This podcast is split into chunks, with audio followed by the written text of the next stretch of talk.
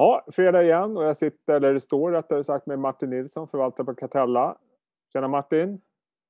Tjena! Du, eh, vinstvarningarna omvända sådana duggar tätt.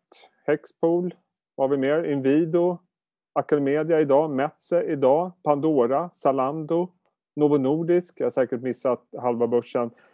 Eh, Gent, Storenord, Kemira, eh, det var de. Ja, frågan är om det är på grund av låga förväntningar eller om det är fantastisk underliggande verksamhet. Det får väl kommer diskuteras. Ja, det, det, det, intressanta med, det intressanta med de här vinstvarningarna idag är ändå att man kan ändå säga att det är ett brett spektra eh, av bolag. Det är ganska olika bolag.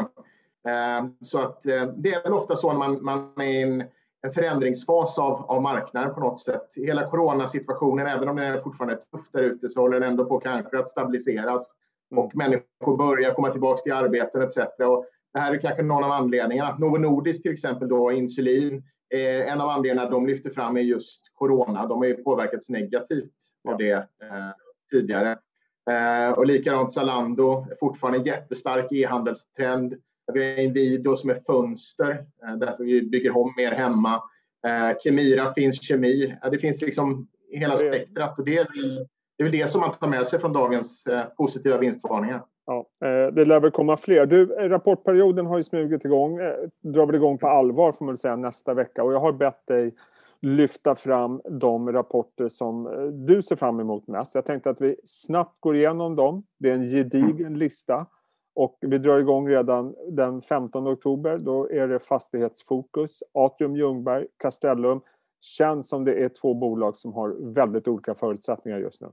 Eh, det kan man lugnt säga. Det blir väldigt intressant att se hur, hur fastighetsbolagen har klarat sig under det här kvartalet. Atrium har ju väldigt mycket handel och mycket kontor. Där finns väl kanske risk för, för eh, eh nedskrivning inom retail-segmentet. Eh, Castellum tror jag kommer vara ganska, ganska stabilt. Det brukar vara relativt stabilt. Eh, aktier handlas price av eh, med, med lite vad heter det, premie så att den kanske inte är jättebillig och sticker ut på det sättet. Men Eh, det ger en jättebra indikation på hur fastighetsbolagen mår helt enkelt. Och man kan ju konstatera att Atrium Ljungberg går ju fortsatt eh, relativt svagt. Jag menar fastighetssektorn har ju hämtat sig en del men Atrium Ljungberg tror jag är ner nästan 35-40 procent någonting på året. Ja, den, nästan 40 procent sen, sen eh, toppen i, innan corona. Eh, vi går rast vidare. 16 oktober, också en väldigt, väldigt intressant dag. Då har vi bland annat Getinge och Sandvik. Eh, om vi börjar lite grann med Getinge. Det här har ju varit en riktig vad ska man säga, coronavinnare på efterfrågan av respiratorer. Vad, vad kommer du fokusera på i den rapporten? Nej, men tittar man på marknadsförväntningar så är det utan tvekan så att det här kommer bli en kanonrapport. Eh, mycket drivet av eh, just leveranser av respiratorer. Den organiska tillväxten kommer vara, ja, det finns vissa som räknar upp mot en 30 procent. Eh, det mest intressanta är dock kanske vad som händer framgent. Hur ser orderingången ut under kvartalet? Vissa konkurrenter just på respiratorer har haft eh, cancelleringar, det vill säga att det, det, man, det, behovet man trodde fanns där globalt inte riktigt fanns där. Att det inte blev eh, kanske så illa som, ja det illa blev det men kanske inte så illa som man hade förväntat sig. Eh, Getinge har varit ute och sagt att de inte har samma sak, men det blir väldigt intressant att se vad de säger om det. Så orderingången blir nog väldigt viktig och framtidsutsikterna, både för fjärde kvartalet men kanske framför allt för 2021. Vad, vad säger du om värderingen i Getinge då? Den har ju kommit upp en del sista tiden får man väl ändå säga. Ja, den har kommit upp. Tittar man i ett historiskt perspektiv så har den liksom, ligger en ganska bra bit över det. Men jag kan förstå det också för att balansräkningen har stärkts. Just nu ligger man på en nettoskuld i förhållande till ebitda på 1,6 gånger så att det möjliggör väl kanske att man ska göra förvärv. Men som du säger, har folk letat efter? De har letat efter de som är då relativa vinnare i, i den här coronapandemin och Getinge sticker verkligen ut där. Så de har, man har varit beredd att betala upp för det. Eh, det faktum att det har snarare varit, snarare varit positivt i korta perspektivet. Och sen är det en viktig poäng du säger också om skuldsättningen. För det här var ju någonting som marknaden kritiserade och oroade sig för för inte alls speciellt länge sedan vad gäller Getinge, att de hade för hög skuldsättning. Ja, så är det. Och nu är den ju nu är den i, i, i linje och jag tror att de kommer ligga med lite långsiktigt. Sandvik då, först ut bland eh, verkstadsjättarna, alltid lika intressant. Vad, hur går tankarna där? Det brukar alltid vara SKF och Tom Johnston som, som la la ribban där när det gäller verkstadsrapporten. Men sen så, så hade de några tuffa kvartal och valde sig att lägga, lägga sig i mitten istället. Så nu är det Sandvik som går i bräschen för sektorn. Det blir jätteintressant för industrisektorn som, som helhet, men specifikt kanske just mining. Mm. Eh, när det gäller mining och mining equipment så, så är förväntningarna generellt sett ganska högt ställda på de bolag som är exponering där. Det ses som en ganska stabil bransch. Värt att notera dock är att det är många gruvbolag som faktiskt har stängt ner viss kapacitet under kvartalet för att deras anställda har drabbats av, av pandemin. Eh, så det kan finnas sådana kortsiktiga effekter, men annars tror jag man förväntar sig en ganska stabil rapport. När det gäller Sandvik-aktien så har den harvat runt nu ett bra tag i något intervall mellan 165 och 180. Vinstestimaten har kommit upp något för det tredje kvartalet, men inte alls i, i likhet med vissa andra sektorer. Eh, så att, eh, det kommer bli väldigt intressant att se hur, hur, eh, hur de levererar och framför allt vad de har för implikationer på andra, andra bolag i sektorn. Och eh, den 20 oktober, apropå vinstvarningar, då kommer Husqvarna. Det här är en aktie som har imponerat under året. Också en sån här eh, hemma, sitta hemma-aktie. Eh, kan, har de mer att ge? Så Husqvarna är ett väldigt fint bolag. Jag tror liksom utsikterna långsiktigt är ju intressanta för Husqvarna. Eh, det man dock får, får tänka på är ju, kommer vi köpa lika mycket hus, Husqvarna-produkter nästa år? Eh, hur ser världen ut då? Ja, det vet varken du eller jag. Men tittar man på, på Husqvarna så är det framförallt Gardena bevattningsprodukter som har drivit på det här stenhårt. Och, men även också gräsklippare, robotgräsklippare också varit efterfrågat. Så att de har ju onekligen gynnats av det här vinstvarningar. Jag vet inte ens hur många vinstvarningar de har haft. För det, det, det är otaliga positiva vinstvarningar. Eh, men, men, det blir också, det är lite som getingarna. Vad, vad, hur kommer nästa år se ut? Ja. Tittar man på den minsta divisionen, construction, så är det den som har haft problem. Och där kanske man kan se positivt på den framgent. Medan de andra kanske kommer ha det lite lugnare. Och eh, Indutrade kommer med rapport eh, samma dag och i det sammanhanget vill jag även ta med en annan compounder och det är Lifco som kommer några dagar senare. Vilken av de två tror du har, kommer imponera mest i Q3? Jag tror att Indutrade kommer imponera mer än vad Lifco gör. Eh, det gjorde de också i det andra kvartalet. Värderingarna i de här bolagen har ju stuckit iväg ganska rejält, eh, framförallt kanske i Lifco. Eh, det, det de har haft problem med är deras dentaldivision, vilket man kan förstå. Eh, behovet där har inte varit så jättestort under, under pandemin. Eh, och det kommer nog kanske se en gradvis förbättring under det här kvartalet. Så sekventiellt tror jag det blir ett bättre kvartal än vad det var för förra för Lifco. Men det är P34 gånger nästa år. Det är en darling. Folk älskar den och det är egentligen detsamma för, för Indutrade. Men jag tror Indutrade har en bättre balans i bolaget, mer bredare exponering. I deras fall så är ungefär medtech 15 procent. Så att jag, jag frågar mig nu så tror jag att eh, Indutrade kommer komma med ett bättre kvartal än, än vad Lifco gör. Men det ligger också i förväntningarna skulle jag säga. Okay. Och sen eh, 21 oktober då är det då dags för Inwido som kom, har kommit nu med en positiv vinstvarning. Uppenbarligen så följer man upp ett väldigt starkt eh, Q2. Hur tänker du kring den vinstvarningen? Vad säger den om framtiden och aktien? Det här, jag tycker det här är ett väldigt spännande bolag eh, och en av huvudanledningarna är faktiskt hållbarhetsaspekterna på just Inwido. Vi har ju pratat tidigare om hela den här reparationstrenden som kommer komma där det blir fokus på hållbarhet och fokus på att helt enkelt renovera eh, och där är fönster en viktig, viktig del. Det intressanta med det här bolaget är att det har ju inte en premie eh, när det gäller en hållbarhetspremie som många andra bolag har. Tittar man på vinstvarningen så är det ungefär 25 procent bättre resultat än vad marknaden förväntat sig. Framförallt drivet av en jättestark konsument.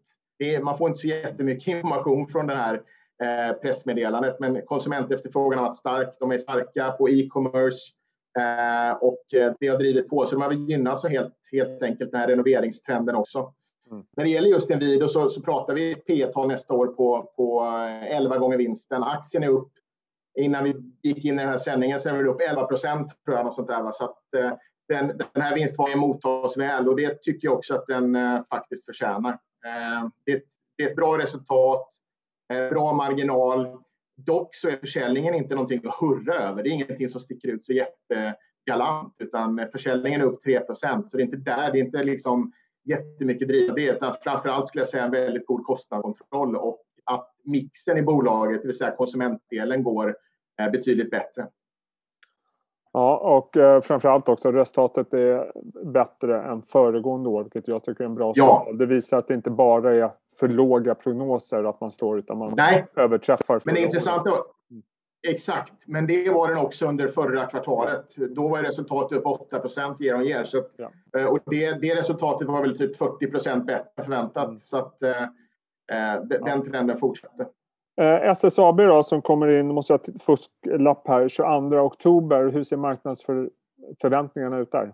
Du ser att marknadsförväntningarna är ganska lågt ställda på, på uh, bolaget med ett av de vackraste namnen, Svenskt Stål Aktiebolag. Uh, men det som har hänt nu under coronapandemin är att stålpriserna i världen går upp och går upp ganska fort. Eh, så i Europa eh, så sägs det att, att eh, många stålverk faktiskt är slutsålda fram till årsskiftet. Det återstår väl att se. Men jag tror det blir ett ganska svagt kvartal med väldigt goda framtidsutsikter. Både gäller stålpriserna i Europa, även i USA där de har läggat. Men också att volymerna är ganska goda. Så, så kan man bara genomlida ett relativt svagt kvartal så, så tror jag utsikterna blir lite bättre just i SSAB. SSAB-aktien har gått ganska bra nu på slutet, likt hela börsen och det mesta. Men den är fortfarande inte över den nivån vi såg, såg i våras, eh, vilket mycket andra bolag är. Ja, sen den 23 oktober då kommer OF Pöyry, som de heter numera. Jag hoppas jag uttalar det rätt. Eh, kom också med väldigt stark Q2. Kursen har gått jättebra. Tror du att man lever upp till Q3? Det är svårt att säga faktiskt. Jag tror att det kommer bli ett ganska bra kvartal. Men jag tror inte det blir någon eh, kioskvält. Jag tycker egentligen inte att Q2 var heller om jag ska vara ärlig. Eh, däremot så är det utan tvekan så att, att värderingen är ganska... Ett stort värderingsgap eh, mellan eh, det som då heter Afri nu faktiskt och inte OF Pöyry. Eh, och, jag är så, eh, Ja, jag vet, jag vet. Jag, jag håller med dig. Eh, eh, eh, men däremot så blir det intressant. Det blir en intressant konjunkturindikator. Tittar man på, på bolagets exponering så är det 20% infrastruktur och sen har du processindustri, du har eh, fastigheter. Det som varit problemet för OF de senaste kvartalen har varit bilexponeringen. Uh, nu börjar bilar att vända. Vi ser mer positiva signaler. Återstår att se kanske lite för tidigt för konsultbranschen att ha positiva indika indikationer därifrån. Men det är något relativt solitt resultat. De brukar vara ganska bra på det. Och sen har vi ytterligare en eh, bolag som kommit med vinstvarning och det är Hexpool som kom, var det imorgon? Ja. kom med en positiv vinstvarning. Eh, varför vill du ta upp den? För men, det känns ändå som att det är lite ett konjunkturspel det här. Eller hur? Med Hexpol. Eh, vad, vad, jo. Nej, men det, det som är intressant nu, det som, som jag tycker intressant tema kan potentiellt bli, det är ju en av de sektorerna som har varit mest avskydda, inte bara under pandemin utan också innan i flera år och det är faktiskt bil. Eh, Hexpol har stor bilexponering, kommer positiv vinstvarning. Igår fick vi Gränges eh, med också en stor vinstvarning, har stor, stor bilexponering. Hexpols eh, förväntningar var väl 40-50 procent bättre än förväntat. Eh, det skruvar upp helårsprognoserna kanske med 12 procent. Aktien var upp 5, eh, så man tror inte ut det alls. Tittar man på, på det de sa, det är också ganska bristfällig information, så sa man att, att bolagets försäljning var i linje med de förväntningar som ligger och det är med en organisk nedgång på 19 procent, så det ser inte fortfarande så jättekul ut. Det betyder också att man har haft en ganska eh, kraftig eh, och positiv, eh, vad heter det, kostnadsparameter eh, under kvartalet. Var, vi pratade ju Hexpol under sommaren inför förra rapporten och då trodde jag det skulle komma då, vilket det absolut inte gjorde för Hexpol hade en av de svagaste rapporterna skulle jag säga av de stor, storbolagen under Q2. En riktigt, riktigt svag rapport. Eh, så det här är kul. Eh, och det återstår att se då de bolag som har stor exponering mot bilsektorn, hur det kommer, kommer, kommer komma senare, som Bulten etc. Och sånt där. Eh, men onekligen så är det någonting som händer i sektorn, framförallt och kanske på underleverantörsledet. Men, men, samtidigt så känner väl jag lite grann att många av de här äh, mer konjunkturkänsliga aktierna som har kommit med bra rapporter. Det är fortfarande som jag sa tidigare ett spel på konjunkturen och vi ser ju ändå på något sätt att corona sprider sig i Europa. Vi ser att vissa mm. länder stänger ner delvis, kanske inte så mycket som man gjorde i våras. Finns det inte en risk att det kan bli ett bakslag på, på den här äh, konjunkturåterhämtningen som ändå liksom man måste tro på på något sätt för att fortsätta köpa cykliska aktier? Eller? Jo, det, det, det, kan absolut bli. Kollar man på förväntningarna, eh, kanske inte så mycket i år, för där har analytikerna dragit ner förväntningarna rätt rejält, men tittar man på 2021 och 2022 så är det ganska aggressiva förbättringar som förväntas egentligen i flertalet sektorer. Så det är någonting som man, man eh, har i åtanke.